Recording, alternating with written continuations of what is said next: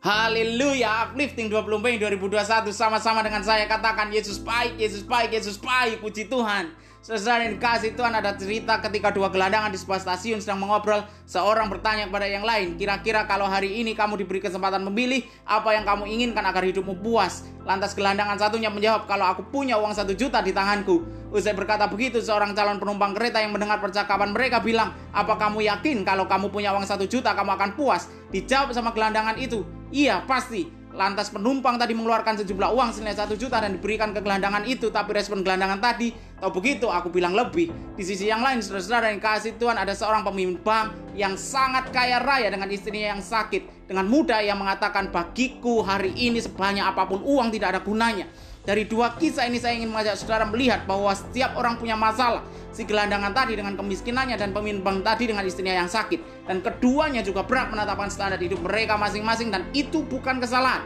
Tetapi saudara-saudara dikasih Tuhan yang saya mau katakan, persoalan setiap orang ialah ada pada rasa cukup mereka. Sehingga ada banyak orang yang susah dalam menahan diri hingga pada akhirnya gagal menikmati yang telah tersedia.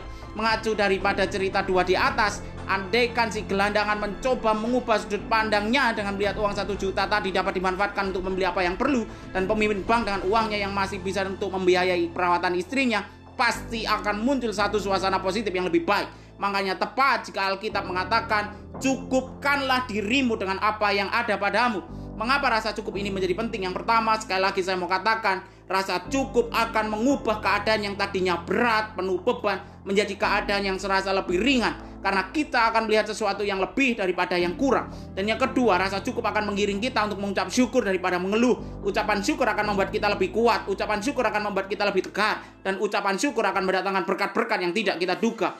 Yang ketiga, rasa cukup bukan hanya membuat hari ini lebih baik, tetapi juga menata hari depan kita menjadi lebih baik. Rasa cukup akan menuntut diri kita mampu mengelola diri dan keuangan kita. Kita akan mampu menahan diri untuk membeli hal-hal yang tidak perlu, sehingga keuangan kita akan terserap untuk hal-hal yang lebih berguna.